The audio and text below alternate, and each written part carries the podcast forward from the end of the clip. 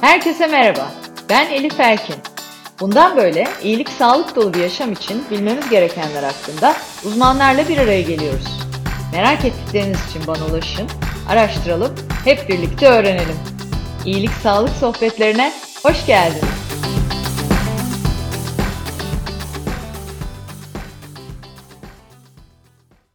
İyilik Sağlık Sohbetlerinin yeni bölümüyle karşınızdayım.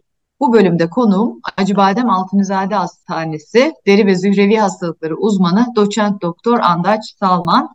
Hoş geldiniz hocam. Merhabalar efendim, hoş bulduk. Ee, sohbetimize geçmeden önce sizi kısaca dinleyenlerimize tanıtmak istiyorum.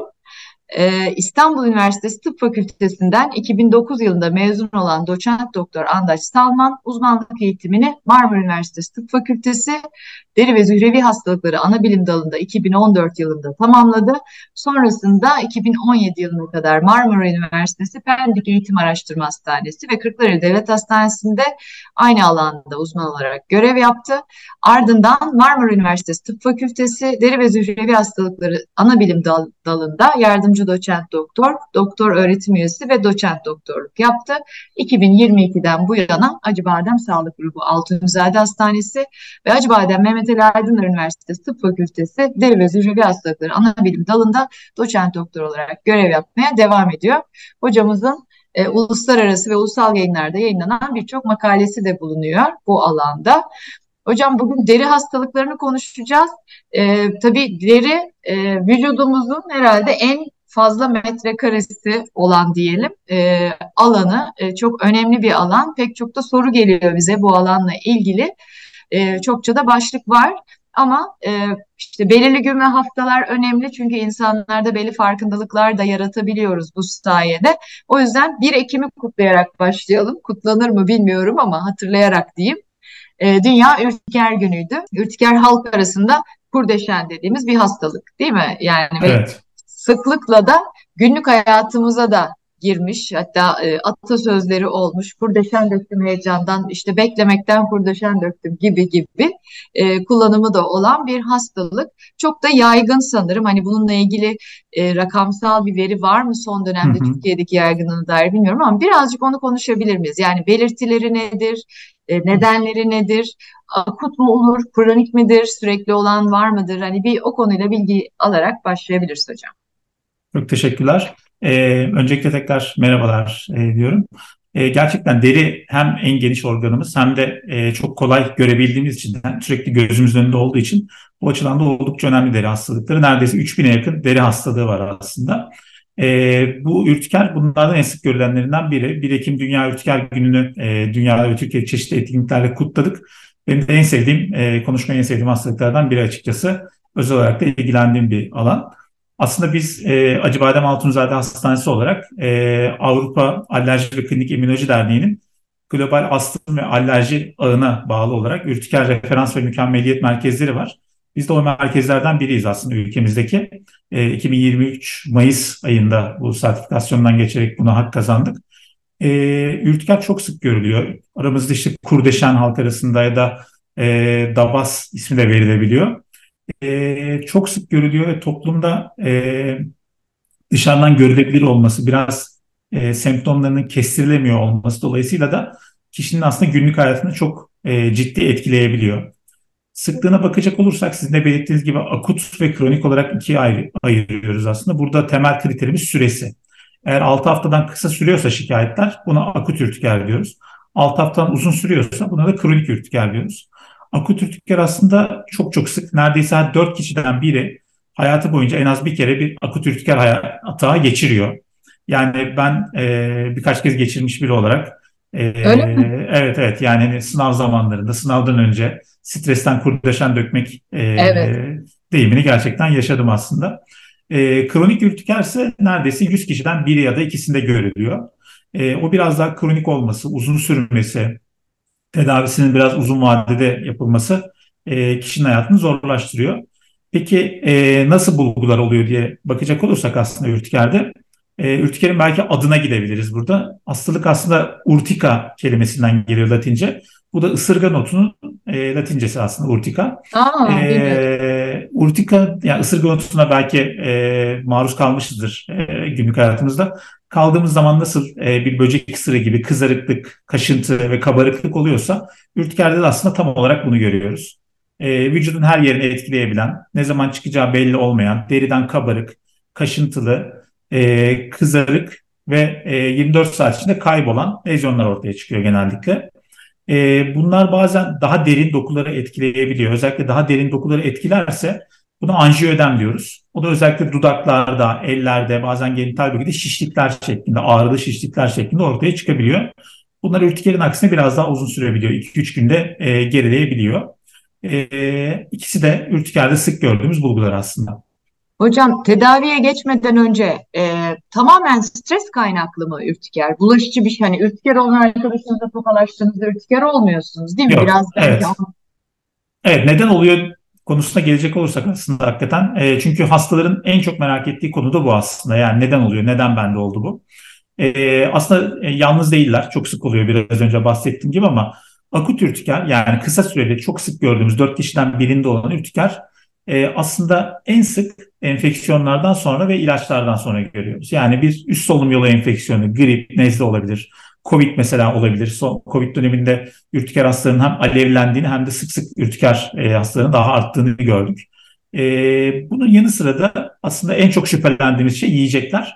Ama yiyecekler aslında çok küçük bir e, kısmında gerçekten sebep oluyor. O yüzden en sık suçladığımız şey aslında en sık sebebi değil. En sık sebebi enfeksiyonlar ve ilaçlar.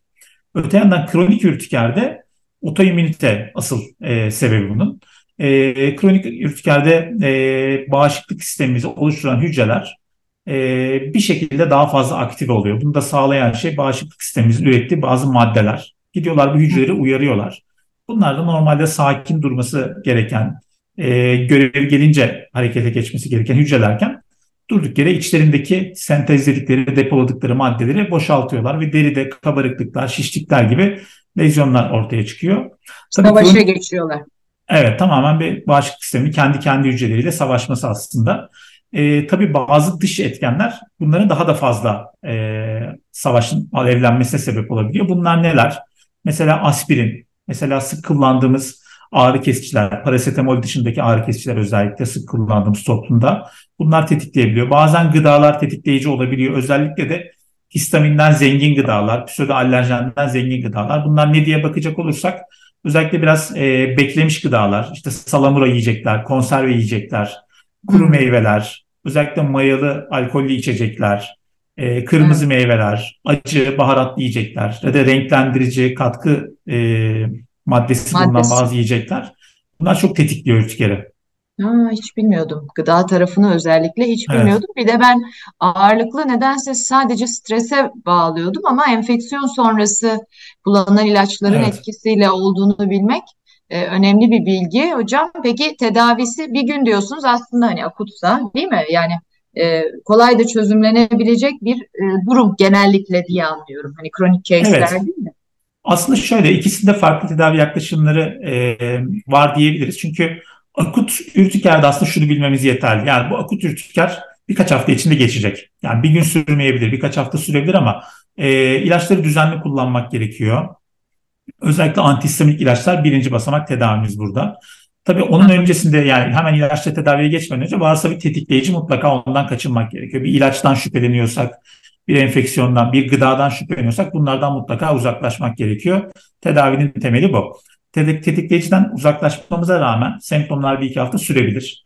O yüzden ha. düzenli olarak mutlaka antihistaminik kullanmak gerekiyor. Bu antihistaminikleri de bazen e, şikayetler olduğu zaman alma eğiliminde olabiliyoruz. Aslında hani şikayetim olduğu zaman alayım. Ama düşünürsek şikayetimiz olduğu zaman aslında bu hücreler aktivasyona geçmiş oluyor ve iş Doğru. işten geçmiş oluyor. Şikayetler olmadan e, düzenli olarak ilaç kullanımı nasıl bir tansiyon hastası, diyabet hastası ilacını düzenli kullanıyorsa, tansiyonum çıksın diye beklemiyorsa ya da şekerim artsın diye beklemiyorsa düzenli kullanmak gerekiyor. Antihistaminiklerle aslında hem akut ürtikerin hem de kronik ürtikerin %60'ını 70'ini kontrol altına alabiliyoruz. Akut ürtikerde antihistaminikler dışında çok fazla bir seçeneğimiz yok. Bazen kortizonlu ilaçlar yapmak durumunda kalabiliyoruz. Özellikle çok aktiveyse ve hastanın e, örneğin yaşamını evet yaşamını çok etkiliyorsa iki gün sonra düğünü vardır. Mesela bir hafta evet. sonra düğünü vardır. Stresli dönemler bunlar. Bu dönemlerde kontrol altına almak için bazen kısa süreli kortizon tedavisi verebiliyoruz ama kronik ürtikerde de e, akut ürtikerde de çok uzun süre kullanmamak gerekiyor kortizonu. E, hepimizin bildiği yan etkileri dolayısıyla. E, evet. Kronik ürtikerde antihistaminiklerden fayda görmüyorsak eğer bir tane antihistaminik aldık yetmiyorsa dozumuzu arttırabiliyoruz. Tabii hekim kontrolünde 4 katına kadar çıkabiliyoruz. Bundan da fayda görmüyorsak ya da 4 tane ilaç alımını tolere edemiyorsak bazen yan etkiler görülebiliyor. O zaman aslında son yaklaşık e, 2013 e, yılından beri 10 yıldır kullandığımız aslında çok daha uzun süredir kullanılan e, omezumab dediğimiz bir tedavi var. Aslında bu ürtiker tedavisini e, tamamen değiştirdi diyebiliriz. Eskiden bundan ileriye çok gidemiyorduk antihistaminlerden ama omezumab kullanımı yeni bir biyolojik ilaç aslında 10 yıldır da kullandığımız. E, ürtiker hastaların neredeyse %90'ını çok etkin biçimde kontrol altında tutabiliyoruz. Ayda bir kez uygulanıyor. Oldukça güvenli bir ilaç. E, Moleküler antibody değil mi? Yani biyoteknolojik evet, evet. bir ilaç bu. Evet. Bu hedefe yönelik bir tedavi. Aslında bu kanımızdaki o mast hücrelerinin, aktif olan hücrelerin tamamen sakinleşmesini sağlıyor. Uyarılabilmesini azaltıyor ve kanda bunu uyaran bazı maddeleri kandan temizliyor. Çok hızlı etki gösteriyor genellikle. Bazen etki süresi 3 aya kadar uzayabiliyor ama genellikle ilk bir hafta içinde e, hastalarımız dünya varmış diyor. Ve kaşıntıdan kabarıktan uzaklaşmış oluyorlar. Oldukça etkili bir tedavi. Ama Harika. tabii hiçbir tedavi kronik ürtikerde işte hastalığınızı bir kere tedavi ettik. Bundan sonra bitti diyemiyoruz maalesef. E, o yüzden uzun süreli tedavi gerekiyor. Ortalama peki ne kadar sürüyor? En çok merak edilen konulardan biri evet. de bu. E, ortalama bir yıl diyebiliriz. E, bir iki yıl diyebiliriz. Bir yıl içinde yüzde ellisi aslında geçiyor. Ama bu tabii ki ortalama 7 yıl süren de var, 17 yıl süren de var. Bizim buradaki amacımız hastalığın yaşam kalitesini etkilememesi. Yani sizin kabarmadan, kabarma korkunuz olmadan, kaşınma korkunuz olmadan, şişme korkunuz olmadan günlük hayatınızı rahatlıkla sürdürebilmeniz.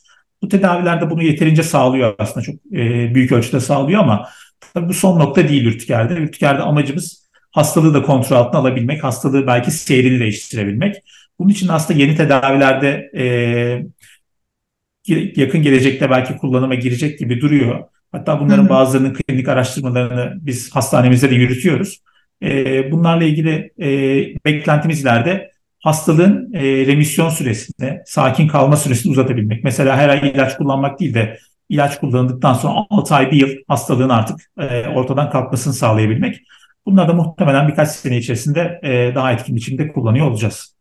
Tabii bu sürekli olarak ürtikerle karşılaşan bir kişi için yani kronik ürtiker hastası için de belki akut yaşayan ama sık yaşayan kişiler için de çok kıymetli. Evet. Çünkü yaşam kalitesini gerçekten çok aşağı çeken bir durum. Kesinlikle. Ee, hani sadece görsel olarak değil sürekli o kaşınma hissi, normal aktivitelere devam edememe hissi o anlamda tabii teknolojik gelişmeler çok çok kıymetli. Ya şöyle e, noktada şuna değinmek isterim mümkünse. E, şimdi e, kronik ürtikenin de iki tane tipi var aslında. Biri spontan ürtiker. Sebebi olmaksızın aniden lezyonlar çıkıyor. Bunların çoğu otoimmün.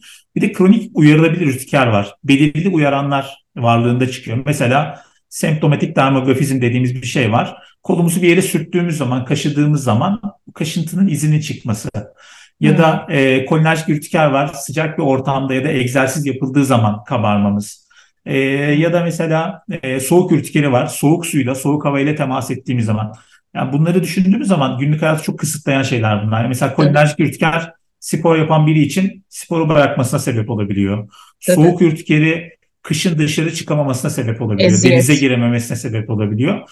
Bizim evet. aslında burada yaptığımız tedaviler hem bunların günlük hayatını etkin biçimde sürdürebilmesini sağlıyor hem de eşik değerini yükseltiyor. Örneğin mesela bir kişi soğuk ürtiker olan bir kişi 15 derecelik havada kabarıyorsa tedaviyle aslında 25 işte 10 derecelik havayı bile tolere edebilir hale geliyorsa bu aslında tedavide oldukça etkin olduğunu gösteriyor. Tabii onun için muazzam bir fark.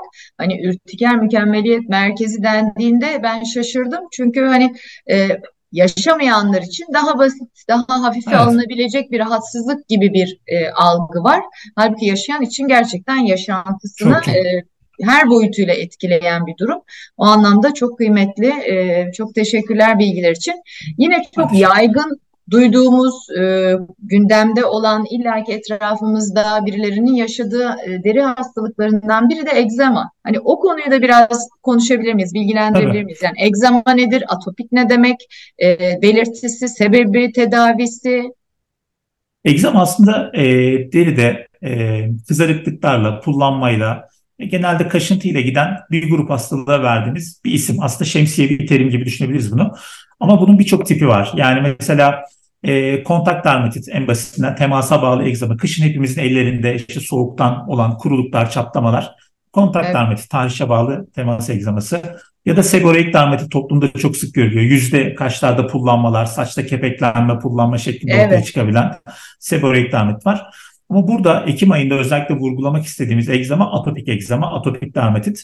Atopik dermatit de aslında daha önceden çocukluk çağı egzaması olarak bilinen ama artık günümüzde her yaştan kişiyi etkileyebildiğini bildiğimiz, çok yaşlı hastalarda bile ortaya çıkabildiğini bildiğimiz, oldukça kronik, alevlenme ve sönme dönemleriyle seyredebilen, toplumda oldukça da sık gördüğümüz, oldukça çok da kaşıntılı, duyuyorum. çok kaşıntılı evet. ve kronik bir deri hastalığı. Ee, en sık aslında bebeklerde ve çocuklarda görülüyor. Yani çocuk çağı egzaması denmesinin e, haklı yönleri de var. E, yine hala birçoğu hastaların 5 yaşından önce bulgu veriyor. Neredeyse %70-80'i 5 yaşından önce ortaya çıkıyor. Atopik dermatisi diğer egzama türlerinden ayıran şey aslında hem oluşum mekanizması hem de e, bazı farklı bölgeleri tutabilmesi yaşa göre. Örneğin çocuklarda, çok küçük çocuklarda, özellikle yanaklarda, kolların, bacakların evet. dış kısımlarında emeklendiği zaman sürtünen bölgelerde olabiliyor. Ya da biraz daha büyük çocuklarda, e, ergenlerde ya da yetişkinlerde daha çok kıvrım bölgelerini, bilekleri, dirseğin iç kısmını, dizlerin arkasını, boyun kenarlarını tutabilen, e, çok kronik, günlük hayatı çok ciddi etkileyen, özellikle kaşıntısı çok çok ön planda olan bir hastalık. Kaşıntısı özellikle geceleri çok fazla oluyor. Ve bu da hastanın uykusunu bozuyor, günlük hayatını etkiliyor, okul başarısını, iş yaşamını çok ciddi etkileyebiliyor. Çocuklarda da ailelerin yaşam kalitesini de çok ciddi etkileyebilen bir hastalık. Örneğin bir çalışmada e, atopik dermat hastalarıyla astımlı çocukların aileleri karşılaştırılmış ve atopik dermat çocukların ailelerinin uyku kalitesi, yaşam kalitesi çok ciddi ölçüde bozulmuş durumda olarak fark Ast- edilmiş. Astımlılara rağmen. Rağmen evet astımlardan daha fazla bozulduğu fark edilmiş. Evet, Çünkü evet. gece çok ataklar oluyor. Gece kaşınıyor çocuk. Gece her yeri kanayabiliyor. Çok şiddetli evet. hastalar çok ciddi e, yaşam kalitesi etkilenebiliyor. E, okul başarısı, ilerideki kariyerleri çok ciddi etkilenebiliyor. E, çok günlük hayat çok ciddi etkiliyor gerçekten. Tabii. E, hatta atopik dermatitli hastalarda normal popülasyona göre e, depresyon, anksiyete bozukluğu, intihar eğilimi çok daha sık görülüyor. O yüzden evet. bu hastalara mutlaka e, multidisipliner biçimde yaklaşmak çok çok önemli. Tabii. E, tam olarak neden oluyor hocam? Yani e... E, aslında şöyle birçok hastalıkta diyoruz ya genetik ve çevresel faktörlerin bir arada olmasıyla bu gerçekten tam olarak öyle bir hastalık. Şimdi bir kere e, çok kısaca derimizden bahsedecek olursak derimizi aslında bir duvar gibi düşünebiliriz. Bir tuğla ve harç yapısı var diye düşünebiliriz. E, şimdi tuğlalarımız hücrelerimiz. Harç yapısı da deriye nemini veren aslında kolesterol, yağ asidi gibi şeyler.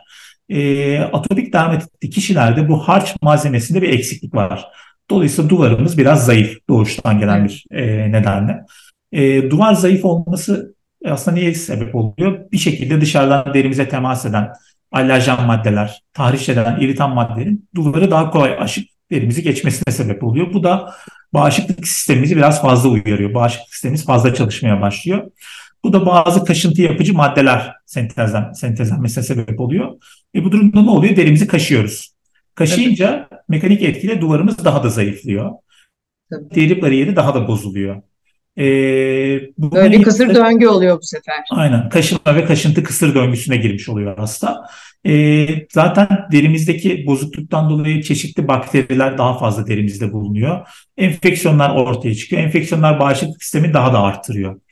Onun dışında e, işte duş almak, banyo yapmak bu gibi şeyler aslında bizim için çok basit şeyler ama atopik dermatiti olan kişiler için işte duşların uzun sürmesi, sıcak suyla yıkanmak bunların hepsi deri bariyeri için e, daha da bozucu evet. etkiler. Dolayısıyla daha fazla zarar e, görüyor bariyerimiz. Dolayısıyla bir kısır döngüye giriyor. E, evet. Çevresel bazı şeyler, sigara dumanı, çevre kirliliği, e, havadaki nemin düşük olması, işte terlemek, terin deride birikmesi, irite edici etkisi bunların hepsi bir araya gelerek bozulmuş bir deri bariyeri kaşıntılı, kızarık, kabuklanan lezyonlar ortaya çıkmasına sebep oluyor. Evet. Egzama tedavisinde de yani do, dolayısıyla hani tetikleyici faktörleri bulmak sanırım önlemek açısından bilme, kendini tanımak, farkına varmak, e, en azından bir atakta bunun neden olabileceğini çözmeye çalışmak önemli bir fayda sağlıyor diye anlıyorum. Sonrasında e, yeterli olmuyorsa ya da diyelim ki yaşadınız ve bir atak e, var. Burada yine ilaç tedavisi oldukça ilerledi değil mi hocam? Kesinlikle öyle. E, aslında atopik dermatit hastaların şanslıyız ki e, çok büyük bir kısmı hafif atopik dermatit diyebileceğimiz hastalar. Orta veya şiddetli hastalar e, daha çok ilaç tedavilerine çok ihtiyaç duyuyor tabii ki. Ama hangi şiddetten olursa olsun tüm hastanın uyması gereken bazı şeyler var aslında. Birincisi e, mutlaka anlamamız gereken şey aslında hastalık biraz kronik ve tekrarlayıcı bir seyre sahip.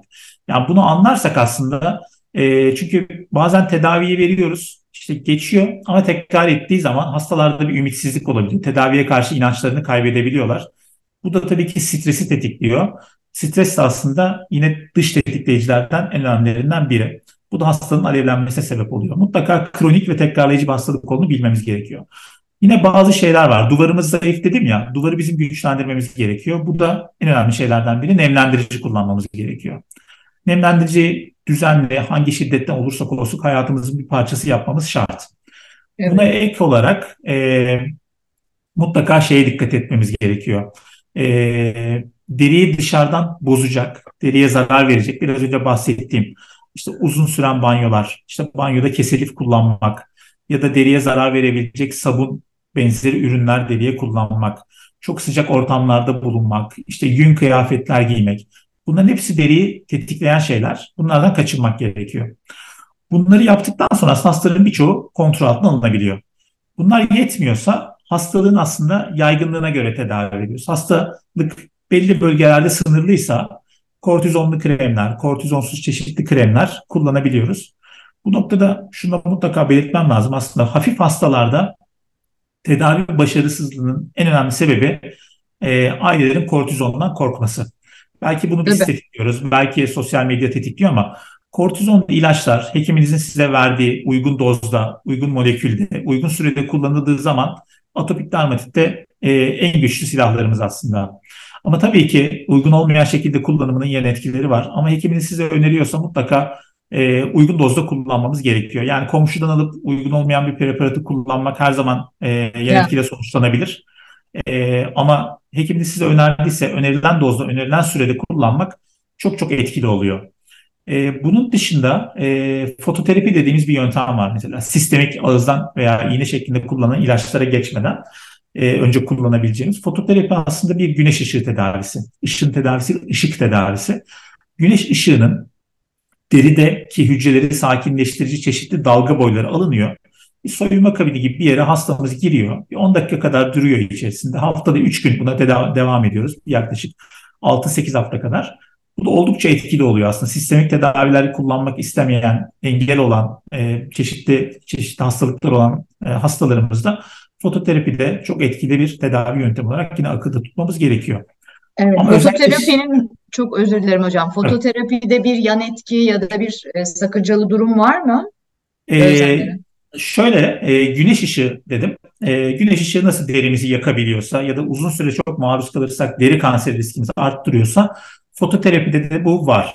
Ama, Ama 10 dakika diyorsun. Tabii ki, tabii ki çok kalibre şekilde yapıldığı için, çok uygun dozlarda yapıldığı için zaten o eşik değerler de belli. Biz o eşik değerlerin üstüne geçmiş bir hastaya zaten hastamız istese de fototerapi maalesef veremeyiz. Ama bu seanslar çok uzun seanslar. 200-300 seans. Yani 6-7-8 tedavi dönemini e, kurtarabilecek evet. seans sayıları. Evet. O yüzden oldukça güvenli bir yöntem. Yani e, mutlaka uygun hastalarda kullanmamız gereken bir yöntem. Evet, evet. Ee, çok teşekkürler. Ee, ürtiker dedik, egzama dedik. Yine böyle sık duyduğumuz deri hastalıklarından biri de e, ve o herhalde en şiddetli olanların e, başında zona. İşte evet. gece yanığı da denen e, dönem dönem e, çoğumuzun geçirdiği illaki çevremizde bunu yaşayan birini gördüğümüz hani bu e, viral bir hastalık değil mi hocam? Ama yine evet. bunu da e, aynı şekilde hani sebeplerini belki konuşmak lazım, evet. belirtileri konuşmak lazım. Bir de zona su çiçeğiyle sanki karıştırılıyor en başta gibi bir durum evet. da olabiliyor. Hani tedavi yöntemleri nedir? Burada da sanırım yani tabii öyle bir şey ki aslında hani yukarıdan bakınca derimiz bizi korumak için var. E, dolayısıyla hani bağışıklık sistemimizin kendimizi koruma e, kalkanımızı en indirdiğimiz zamanlarda belki kendimize hem zihinsel olarak hem bedensel olarak iyi bakmadığımız dönemlerde genellikle deri hastalıklarının ortaya çıktığını da görüyoruz. E, evet evet kesinlikle. Ee, şöyle aslında e, su çiçeği gerçekten direkt e, işte duygusal stres, üzüntü gibi şeylerle aslında bağışıklığımızı biraz düşüren şeylerle çok yakından ilişkili bir hastalık. E, gece yanığı dediğimiz zona da aynı şekilde. Aslında ikisinin de etkeni aynı. Varicella zoster virüs dediğimiz bir virüs yapıyor bunu aslında. Yani. E, işte hepimiz küçükken e, farkında olarak ya da olmadan ya da aşı yoluyla bir şekilde bu virüse maruz kalıyoruz aslında. Şimdi biz su çiçeği geçirdikten sonra bu su çiçeği virüsü e, aslında vücuttan tam olarak atamıyoruz. Su çiçeği virüsü gidiyor e, dorsal ganglion dediğimiz yani omurgamız boyunca bulunan sinir köklerinde uykuya dalıyor. Ta ki bizim bağışıklığımız düşene kadar e, bir fırsat arıyor. Bağışıklığımız düştüğü zaman ne zaman düşebiliyor? Mesela bir onkolojik tedavi alıyor olabiliriz. Tabii. Ya da biyolojik bir ilaç alıyor olabiliriz. Mesela dermatolojide, romatolojide kullandığımız ilaçlar. Ya da evet. yaşımız ilerlemiş olabilir. Özellikle 70 yaşından sonra çok sık olduğunu görüyoruz. Her 100 kişiden biri zona geçiriyor aslında 70 yaşından sonra. Hmm. Direkt yaşla beraber doğrusal bir ilişkisi var aslında. Direkt sıklığı artıyor. Ya da stresli dönemlerde işte doğal afetlerden sonra örneğin ya da evet. işte e, tüm toplumun geniş kesimlerini etkileyen bir takım olaylardan sonra e, zonanın çok arttığını görüyoruz. Çünkü bağışıklığımız düşüyor. Bu yıllarca uykuya dalan virüs uyanıyor. Virüs uyandığı zaman sinir köklerinden önce sinirler boyunca yayılmaya başlıyor. Zaten zonada önce bir ağrı olur genellikle. Evet, evet. evet. Hiçbir döküntü olmadan bir ağrı hissederiz orada. Ya bu ne deriz? Hatta göğsümüz ağrıyorsa önce bir kardiyolojiye gideriz. İşte belimiz ağrıyorsa acaba böbrek taşı mı düşürüyorum diyebiliriz. Çeşitli e, tetkikler yapıldıktan sonra ağrının bir sebebi bulunamayabiliyor. E, aslında bu noktada bize gelebiliyor. Ya da birkaç gün sonra ağrıdan o ağrının etkilediği bölgelerde aynı su çiçeğinde olduğu gibi bir kızarıklık üzerinde su dolu kabarcıklar ortaya çıkıyor. Bu da artık aslında ozonanın tanısının netleşmesini sağlıyor. Evet, evet. Yani e, sinsi diyebiliriz hocam o zaman. Evet, evet. Sinsi ama çok da sinsi değil. Bir süre sonra kendini gösteriyor en azından. Tabii gösterdikten sonra evet. evet. Peki tanı konduktan sonra tedavisi e, de biraz meşakkatli gibi yani en azından tedavi edilene kadarki süreç kişiler için meşakkatli diye gözlemliyorum. Evet. Ben bilmiyorum. Ya, Özellikle şiddetli zona geçiriyorsak yani düşünün gövdenizin bir tarafında e, su dolu kabarcıklar var. Yani bunun işte çok da ağrıyor, hareketinizi kısıtlıyor. Dolayısıyla Tabii. buraya bir krem sürmek, ilacı almak, günlük günlük hayatınıza devam etmek çok zor. Oldukça evet. ağrılı olması dolayısıyla özellikle. E, ama tedavisi neyse ki çok komplike bir tedavisi yok. Tanıyı koyduktan sonra antiviral bir takım ilaçlar var. Asiklovir olabilir, valesiklovir olabilir. Oldukça etkili ilaçlar. Ama burada en önemli nokta tanının gecikmemesi. Yani tanı gecikirse özellikle ilk 3 günden hatta ilk 7 günden sonra tedavi başlanması e, mümkün olursa o zaman e, zonanın en sevmediğimiz komplikasyonu postherpetik nöralji dediğimiz zona geçer ağrısı kalır şeklinde bazen tarif ettiğimiz evet. o bölgede ağrının sürekli hale gelmesi durumu oluyor ki özellikle yaşlılarda, şiddetli geçirenlerde ve tedavi olmayanlarda çok karşılaşabildiğimiz bir durum. Beş hastanın birinde olabiliyor bu. Çok yaygın. E, bu da gerçekten evet, çok yaygın ve günlük hayat çok etkiliyor. Ağrının sürekli olduğunu düşün. Yani bu ağrı Tabii. bir karın ağrısı gibi değil, nöropatik bir ağrı olduğu için hani kıyafet Tabii. temas ettiğinde bile çok ciddi ağrı olabiliyor. E, o yüzden erken dönemde mutlaka böyle şikayetler varsa hemen hekime başvurmak, erken dönemde tanı almak oldukça önemli. Evet, evet kesinlikle. Onda e, altını çizmiş olalım. Şimdi tabii biz e, Life Club'da amacımız sağlık yönetimimizi e, doğru yapabilmek, buna dair e, rehberlik sunabilmek. Özellikle iyilik sağlık sohbetlerini de bunun için yapıyoruz. E, bu minvalde de hem hastalık yönetimine dair belli alanlarda bize dinleyicilerimizden, üyelerimizden gelen sorular doğrultusunda hastalık yönetim yöntem hastalık yönetimiyle ilgili tedavi yöntemlerine dair bilgilendirme yapıyoruz ya da hastalıklarda. Hem de önlemek adına neler yapabiliriz bunlardan bahsediyoruz. Şimdi deri hastalıkları dediğimizde de e, zaten az önce hani onun nedenini de bir, bir miktar açıklamış olduk. Sıklıkla psikoloji ile olan bağlantısını gözlemliyoruz. Yani gerçekten çok üzüldüğümüzde, çok stres olduğumuzda illaki vücudumuz önce de sanırım derimizden e, buna tepki veriyor. Yani bir alarm e, aslında hı hı. bizim için bir sinyal e, ya da işte psikolojimizin bozuk olduğu gibi beslenmemiz bozulduğunda ya da kendimize iyi bakmayı bırakıp bağışıklık sistemimizi düşürdüğümüzde yani birazcık da ondan bahsedebilir miyiz Tabii hocam? ki. Yani psikolojimizin deri hastalıklarıyla olan ilişkisi yani bununla ilgili kanıtlanmış e, hastalık ve psikoloji bağlantıları stres e, çok fazla var Evet, sanırım. evet. Hani belki onu konuşabiliriz. Tabii ki. Ya çok aslında iç içe geçmiş bir konu. Yani e, dermatopsikiyatri diye bir alan var mesela. Dermatolojinin bir yan dalı olarak. Hani Öyle mi? psikiyatrik Bilmiyordum. hastalıkların dermatolojik bulgularını, dermatolojik hastalıkların psikiyatrik etkilerini ele alan e, özellikle Avrupa'da resmi bir yan dal olarak bulunan bir alan var. Türkiye'de de direkt bununla uğraşanlar var. Yani dermatoalerjiyle uğraşanlar, dermatopsikiyatriyle uğraşanlar var. Şimdi e, deriyle e, psikolojimizin etkisini aslında üç şekilde inceleyebiliriz. Birincisi Mesela bazı deri hastalıkları bazı psikiyatrik hastalığı olan kişilerde daha fazla görülebiliyor. Mesela ne? Mesela örneğin e, depresyon, anksiyete bozukluğu gibi duygu durum bozukluğu olan kişilerde seboroid dermatit dediğimiz işte yüzdeki egzama biraz daha şiddetli görülebiliyor. Hmm. Ya da bazı psikiyatrik ilaçlar bazı deri hastalıklarını tetikleyebiliyor. Örneğin e, bipolar bozuklukta kullanılan lityum bazen psoriasis tetikleyebiliyor. Psoriasis sedef hastalığını tetikleyebiliyor. Çok Evet. sık görülebiliyor. İkinci yönü bazı deri hastalığı olan kişilerde duygusal stres e, ya da e, psikolojik olarak bazı e, bozukluklar deri hastalıklarının alevlenmesine sebep olabiliyor. Mesela bunlardan bahsettik aslında ürtiker, atopik Tabii. dermatit, sedef, vitiligo. Özellikle genetik olarak yatkın kişilerde bunlar e, bu hastalıkların ortaya çıkmasına ya da var olan bulguların daha da şiddetlenmesine sebep olabiliyorlar. Bir de diğer yönden bakacak olursak hiçbir psikolojik bozukluğu olmayan, hiçbir psikiyatrik bozukluğu olmayan bir kişide deri hastalığı olduğu zaman e, fiziksel sağlığını etkilediği kadar deri hastalıkları insanın ruhsal sağlığını da çok ciddi Tam onu söyleyecektim. Çift yönlü hocam değil mi? Yani Kesinlikle, siz kesinlikle. şimdi mesela sedef hastaları hatta sedef hastalığı yönetiminde bu işin psikolojisinin yönetimi de çok e, Çok çok gündemde önemli. tutulur. E, hem ilaç sektörü tarafından hem de hekimlerimiz tarafından tabii.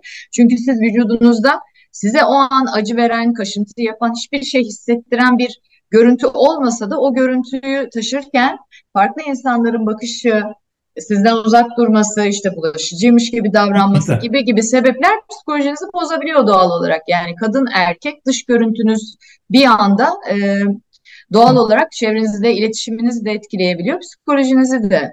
Kesinlikle. Mesela örneğin e, bunlar hani görünen yerler, görünür yerlerde olduğu zaman aslında çok daha fazla etkili olabiliyor Tabii. insanın e, günlük yaşamında. Örneğin e, sosyal ilişkilerde, iş ilişkilerinde çok ciddi içe çekilmeye, sosyal fobiye, sosyal izolasyona sebep olabiliyor. Onun dışında e, aslında toplum tarafından da damgalanıyor bu kişiler. Yani dışarıdan Evet. baktığımız zaman işte sedef bulaşıcı mıdır? İşte vitiligo bulaşıcı mıdır? İşte onda vitiligo çıkmış gibi şeyler çok fazla hastanın günlük hayatını etkiliyor. Hatta bazı biraz daha sosyoekonomik olarak düşük toplumlarda örneğin e, vitiligo e, olan toplumlarda örneğin bazı doğu toplumlarında şey olabiliyor. Koyu tenli toplumlarda özellikle vitiligo hastaları işte evlilikleri bitebiliyor, toplumdan dışlanabiliyorlar, e, lanetli olarak görülebiliyorlar. Çok farklı toplumsal inanışlar var. Bunların günlük hayatları çok ciddi etkileniyor. O yüzden çok büyük bir toplumsal sorun aslında bu. Ee, o yüzden bu hastaların mutlaka bu açıdan da yani sadece deriyi tedavi etmekte bitmiyor bu iş. Yani bir de bu hastalıkların bazılarının ergenlik döneminde olduğunu düşünürsek ergenlik Tabii. dönemi kişinin gelişmesinin ruhsal, e, sosyal açıdan gelişmesinin en yoğun olduğu dönem. Bu dönemlerde etkilenmek e, çok ciddi e, ileride de sorunlara yol açabiliyor. Hatta benim uzmanlık tezim aslında vitiligo hastalarıyla ilgili de vitiligo ve akne hastalarının özellikle de Evet. görünür bölgeleri tuttuğu zaman el gibi, yüz gibi sosyal fobilerinin, sosyal kaygı düzeylerinin çok daha arttığını görmüştük o çalışmada. Ee, o yüzden çok önemli bu konu. Kesinlikle katılıyorum. Ee, Şimdi tabii deri hastalıkları olunca o kadar çok şey var ki hepimizin bildiği, çevremizde gözlemlediği. Bizde de üç çocuk var hocam. Ee, birincisinin ergenliği üzerimizden geçti hı. diyeyim. Ee, artık e, 20'li yaşlarında. Şu an ikincisini e, full dose yaşıyoruz. Ve akne gerçekten ergenlik döneminde doğal olarak e, çok büyük bir problem. Ve sadece e, yani fi- fiziksel bir problem problem değil. Biz bunu çok net yaşadık çocuklarımızdan. Çünkü çok zorluyor onları. Yani zaten vücudunda bir şeyle uğraşıyor ve çözmeye çalışıyor. Acı veren, görüntüsünün kendi aynaya baktığında kendinin bile hiç hoşuna gitmediği bir durum var. Hı Bir de fiziksel olarak bununla baş etmek çok zor. O anlamda hani e, ilişki çok net benim için de. E, hatta bizim podcastimizin başlığını buldum. Deri mi psikolojimizi bozar, psikolojimiz mi derimizi? Evet, evet. E, tam olarak öyle bir Kesinlikle yumurta öyle. tavuk durumu da var. E, Kesinlikle. Beslenmemiz, yanlış beslenmemiz de değil mi? Deri hastalıkları alanında e, önemli bir e, etken Evet. aslında. Belki biraz da psikolojinin yanında beslenmeden de bahsetmek lazım. Yani özellikle uyaracağımız hani bir taraftan da önleyici tıp yaklaşımıyla yani bile bile lades de yapmayalım diyeceğimiz beslenme konusunda verebileceğimiz ipuçları var mı? Tabii ki aslında beslenmenin en çok çalıştığı hastalıklardan biri akne. Ee, hazır akne demişken hemen ondan bahsedebiliriz isterseniz. Ee, akne şöyle, e, birçok aslında e, beslenme aslında birazcık deriyle ilişkisi e, biraz fazla abartılı da olabilir yani toplumdaki algısı. Çünkü e, özellikle küçük çocuklarda, büyüme gelişme çağındaki çocuklarda gereksiz diyetlere de sebep olabiliyor. O yüzden hani birazcık bilimsel dayanağı olan şeylerden bahsedecek olursak özellikle aknede e, yüksek glisemik indeksli gıdalarla beslenmek, karbonhidrattan zengin beslenmek ve süt ürünlerinin fazla tüketilmesinin aknenin şiddetini arttırdığını biliyoruz. O yüzden özellikle bunların fazla tüketildiği e, kişilerde beslenmenin biraz dengelenmesi bu açılardan e, oldukça önemli olabilir. Ama Evet. örneğin e, glutensiz beslenme mesela çok hani popüler bir konu olduğu için e, söylüyorum. Mesela SEDEF'te glutensiz beslenmenin bir faydası var mı? Yani bilimsel olarak e, bunun gösterilmiş bir faydası yok. O yüzden her hastamıza öneremiyoruz. Ama mesela Evet. Anekdotal olarak mutlaka fayda görenler vardır. Çünkü glutensiz beslenmek ister istemez biraz daha sağlıklı beslenmeye götürebiliyor insan aslında. E, biraz faydası olabilir. Ama bilimsel olarak işte atopik dermatitte, e, psoriasiste, sedefte glutensiz beslenmeyi her hastaya önereceğimiz bir bilimsel dayanak yok. Ama onun dışında mesela glutensiz beslenmenin direkt ilişkili olduğu bir deri hastalığı var. Dermatitis herpetiformis dediğimiz gluten nasıl çöl yağı sebep olabiliyorsa hasta Evet. deride de özellikle dirseklerde, dizlerde, bel bölgesinde e, çok kaşıntılı, su dolu kabarcıklarla seyredebilen dermatitis herpetiformis dediğimiz bir deri hastalığına sebep oluyor. E, Ha. bu mesela tedavisi glutensiz beslenmek nokta. Onun dışında hiçbir ilaç tedavisine gerek, gerek yok. Glutensiz beslenmeyi sürdürdüğü sürece hiçbir şekilde lezyonlar aktifleşmiyor. Bu da iyi, mesela bunu bes- bilmiyordum. Evet, e, yani çölyak hep konuşuyoruz hocam. Yani glutensiz Evet. beslenme dendiğinde çölyak hastalığı konuşuyoruz ama e, deri hastalıklarını hiç konuşmuyoruz. Yani dermatit e, ismini tabii ki şu an e, söyleyemeyeceğim ama onun halk diliyle bir ismi varsa Maalesef da yok. Henüz yok koyamamışız Halka inmedi? Yok, yani o kadar inmedi. O kadar sık değil neyse ki. Evet, evet. Ama dediğiniz Ee, gibi yönlendirmeler çok önemli. Şimdi bir, maalesef ki özellikle beslenme konusunda bazı şeyler trend oluyor. Yani birilerinden duyuyoruz, havalı geliyor bize belki ya da kesinlikle. E, doğru varsayıyoruz ve glutensiz beslenmeye doğru gidiyoruz. Geçenlerde e, bir konferansta iki şey söylendi glutensiz beslenmeyle ilgili yeri gelmişken söyleyeyim. E, çok da doğru. Bir tanesi e, bir klinik çalışma yapılıyor. 20 yıl boyunca hekim grubunda iki farklı hekim grubu biri glutensiz besleniyor tamamen bir grup. Diğer grup e, karışık dengeli bir beslenmeyle hayatına devam ediyor ve glutensiz beslenen grupta kardiyolojik problem görülme sıklığı yüzde yirmi daha fazla glutenle beslenen gruba göre. Yani hiçbir şeyin hani e, dolayısıyla bir kanıtı değil glutensiz Evet, beslenme. kesinlikle. İkincisi de şunu söylediler. Gerçekten glutensiz beslenmek zorunda olan çölyak hastaları gibi ya da bu dermatitin bu formundaki hastalığa sahip hastalardaki durumda da mevcutta biz o kadar çok pompalıyoruz ki bazı şeyleri köpürtüyoruz trend olduğu için. Bu seferden de e, fiyatlar artıyor, erişilebilirlik azalıyor. Çünkü herkes glutensiz isteyince otomatik bir enflasyon yaratılıyor ve gerçekten glutensiz beslenmeye ihtiyacı olan çölyak hastaları ya da işte bu e, dermatit hastaları maalesef erişim sıkıntısı yaşayabiliyor dendi. Dediğiniz gibi yani hekim yönlendirmesiyle burada beslenmenin düzenlenmesi çok önemli deri hastalıkları için. Bir de e, çocuklarda özellikle atopik dermatit hastalarına örneğin başa dönecek olursak atopik dermatit işte gıda alerjisiyle ilişkili midir? Hemen bir gıda alerjisi testi yapma, hemen bir diyet yapmak gibi bir şey oluyor. Bu da aslında çocukların büyüme gelişmesini de etkileyebiliyor. Yani o en çok besine ihtiyaç duydukları dönemde etkileyebiliyor. Ama bunu da anlayabiliyorum aslında çünkü bunlar kronik hastalıklar ve sebebi tam olarak belli olan hastalıklar değil. İnsanlar aslında bir sebep arıyor. Evet. e, bir neden arıyor. Yani bu insanlara bir işte bunun sebebi gluten derseniz e, inanma olasılığınız yükseliyor. Yani ben kendi kendimi de yer, yerlerine koyduğum zaman E, bir Tabii. sebep veriyorlar. Neden denemeyeyim ki diye düşünebilir insan hakikaten. Hem evet inanma e, oranınız yükseliyor hem de en azından umudunuz artıyor. Yani çünkü evet. orada bir düşman var belli gluten. Ee, ve hani onu ortadan kaldırdığınızda hayatınızdaki yaşam kalitenizi bu kadar aşağı çeken Kesinlikle. hastalık da ortadan kalkacak gibi. Evet, yani bir çocuğunuz için ümit aslında. Tabii tabii kesinlikle. Hocam çok teşekkürler. Daha o kadar çok, çok şey var ki sizinle e, devam etmemiz lazım. Farklı bölümlerde de hani deri kanserlerini konuşmak istiyoruz. E, farklı deri hastalıkları var. İşte gördüğümüz o lekeler vesaireler Kesinlikle. nelere yol açıyor gibi gibi çok konumuz var. Umuyorum ki en kısa zamanda sizi yeniden konuk alacağız. E, vakit nasıl geçti anlamadım. Son evet. soruya geldi sıra. E, bu soruyu da tüm konuklarımıza soruyoruz ki e, iyice iyilik, sağlık için öğrenmemiz gereken her şeyi öğrenelim. E, başka akıllardan da kendi hayatımıza bir şeyler katalım diye. O yüzden ben e, sizin iyilik, sağlık rutininizi soracağım hocam. Neler yapıyorsunuz? E, e, bu konuda aslında ben e, daha önceki bölümlerinizin sonlarını biraz daha iyi dinleyip kendime birazcık şeyler çıkarabilirim. Evet yani e, biraz dinlesem iyi olacak en azından daha fazla dinlesem. Çünkü e, yani sağlık olarak ne yapıyorum dersek yani haftada en azından e, 3-4 gün e, bir yarım saat fiziksel aktivitede e, bulunmaya çalışıyorum. E, onun dışında biraz beslenmeme dikkat etmeye çalışıyorum bu aralar. E, yani onun için özel yaptığım bir şey var mı derseniz birazcık daha karbonhidrattan daha e, azaltmaya çalışıyorum diyebiliriz. Daha düşük, daha fakir beslenmeye çalışıyorum. E, onun dışında sağlık rutini için bir dermatologun mutlaka sağlık rutininde olması gereken güneşten korunmak, güneşte yanmamak, hem deri yaşlanması hem de biraz önce dediğiniz deri kanseri riskini azaltmak için en önemli evet. e, rutin parçalarından biri diyebilirim. Hocam e, harikasınız. E, şimdi konu yine konuyu açtı ama bu son gerçekten. şimdi güneş, e, güneşlenme konusu e, şöyle de bir e, iki yönü var. Yani bir tarafta diyoruz ki güneşi alın, güneş enerjisini alın. D vitamini açısından bu çok önemli bir kaynak.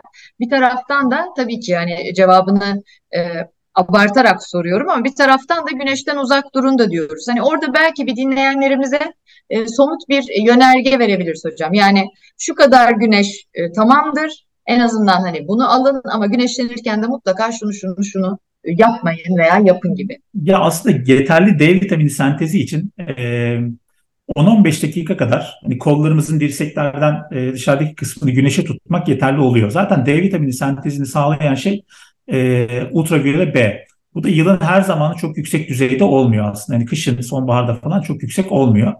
E, dolayısıyla hani saatlerce güneşlenmek, aslında hani bronzlaşmak, güneşlenmek bunlar insanı birazcık e, mutlu eden şeyler, kendini iyi hissettiren şeyler tabii ki olabilir. E, buna e, karşı çıkmıyorum ama hem derimizi yaşlanıyor, yaşlandırıyoruz. Aslında evet. bronzlaşmak dediğimiz şey derideki hücrelerin ölmesi aslında. E, her bronzlaştığımız eşittir deri hücresinin ölmesi. Deri hücrelerin ölmesi demek mutasyon geçirmesi demek ve bunların bağışıklık sisteminden kaçarak ileride kansere dönüşmesi demek. Yani D vitaminini e, dışarıdan da herhangi bir şekilde alabiliriz. Damlalarla, spreylerle, kapsüllerle alabiliriz. Ama evet. deri kanseri geliştiği zaman maalesef bunun e, böyle bir tedavisi yok. Mutlaka ameliyat olmamız gerekiyor. Özellikle melanom çok da ciddi ölümcül bir deri kanseri. E, bundan e, çok ciddi korunmak için mutlaka güneşten korunmayı günlük hayatımızın parçası yapmamız gerekiyor. Evet, evet. Ee, yani melanom demişken onu da e, konuşmuş olalım hocam bitirmeden. Dediğiniz gibi aslında hafife alınmakla birlikte çok ciddi ve ölümcül bir kanser Çok. türü olduğunun altını çizmemiz lazım. Hani orada e, ben yani düzenli kontrol işte yine burada önlem, önlemek için e, belirli dönemlerde mutlaka bir dermatoloji e, ziyaretiyle kendimizi e, taratmamız ve kontrol etmemiz değil mi? Çok kritik. Kesin, kesinlikle çok kritik. Yani melanom e, en ölümcül deri kanseri. Ama neyse ki erken yakalandığı zaman o kadar ölümcül değil artık. Yani artık günümüzde melanomdan mümkünse kimsenin ölmemesi gerekiyor. E, evet. Ama erken yakalanmadığı zaman onkolojik tedavi gerektiren, çok ciddi tedaviler gerektiren çok ölümcül bir hastalık hala. O yüzden özellikle açık tendiyseniz, güneşte hemen yanıyorsanız, renkli gözlüyseniz, ailede melanomunuz varsa, çok sayıda beniniz varsa, bazı benleriniz riskli olarak sınıflandırılmışsa daha önceden ve güneşe hem mesleki olarak hem de e, sosyal olarak çok maruz kalıyorsanız e, ya da çocukken güneş yanığı öykünüz varsa mutlaka bir dermatologda bir tarama yaptırmanızda fayda var. Hocam burada yılda bir gör görünmemiz mi yeterli? O da kişiye özel mi Ee, belirliyorsunuz? onu belirlemek gerekir. Yani geldiğinizde bir baktığımızda daha riskli benleriniz varsa bunları biraz daha yakından görelim diyebiliriz. Ya da Evet, melanomunuz varsa daha sık takip etmek gerekebilir. Ee, bunu mutlaka takip etmek, bir bazal bir kontrol yapmak. Belki diyeceğiz ki size, yani sizde çok riskli bir ben yok. Hani yılda bir, iki yılda bir gelin diyebiliriz. evet. Ama mutlaka bir bazal bir tarama yapmakta fayda var. Evet, bunu da e, önemli altını çizmiş olalım. En azından bir kere öncelikle şu an kendi sağlığınızı korumak ve bir e, kontrol için, mevcut durumunuzun tespiti için bir dermatolog e, ziyareti yapın, randevunuzu alın. E, Ondan sonrasını zaten hekimlerimiz yönlendiriyor. E, Kesinlikle. olacak hangi periyotta e, kendi kendimizi kontrol etmeye gitmemiz Bir de gerektiğine çok dair. kısa bu noktada bir şey vurgulamak isterim. Bazen benlerin işte sevmiyoruz, görüntüsü güzel değil diye e, dermatoloji muayenesi olmaksızın işte lazer tedavisi, Evet, yakılması gibi tedaviler uygulanabiliyor benlere. Bunların kesinlikle ve kesinlikle yapılmaması gerekiyor. E, kesinlikle olumsuz sonuçlar doğurabilir. Melanoma dönüşebilir, bir melanom atlanabilir. Yıllar sonra metastaz da ortaya çıkabilir. Bunlardan kesinlikle kaçınmasını öneriyorum. evet, evet. Altını çize çize bunu da vurgulamış olalım. Çok kritik gerçekten. Durduk yere insanın kendi kendine hasta etmesi aslında Kesinlikle, kesinlikle. Bir anlamda. Evet. Çok teşekkürler hocam. Ben Gerçekten çok çok aydınlatıcı, çok öğretici oldu. Umuyorum ki dinleyenler için de öyle olmuştur. Ee, yeniden görüşmek üzere diyeceğim. Çünkü daha konuşacak konularımız da var. İyi ki geldiniz iyilik sağlık sohbetlerine. Ben çok ben de çok teşekkür ederim davetiniz. Çok keyif aldım. Ee, ne zaman isterseniz görüşmek üzere tekrar. Harika. Görüşmek üzere.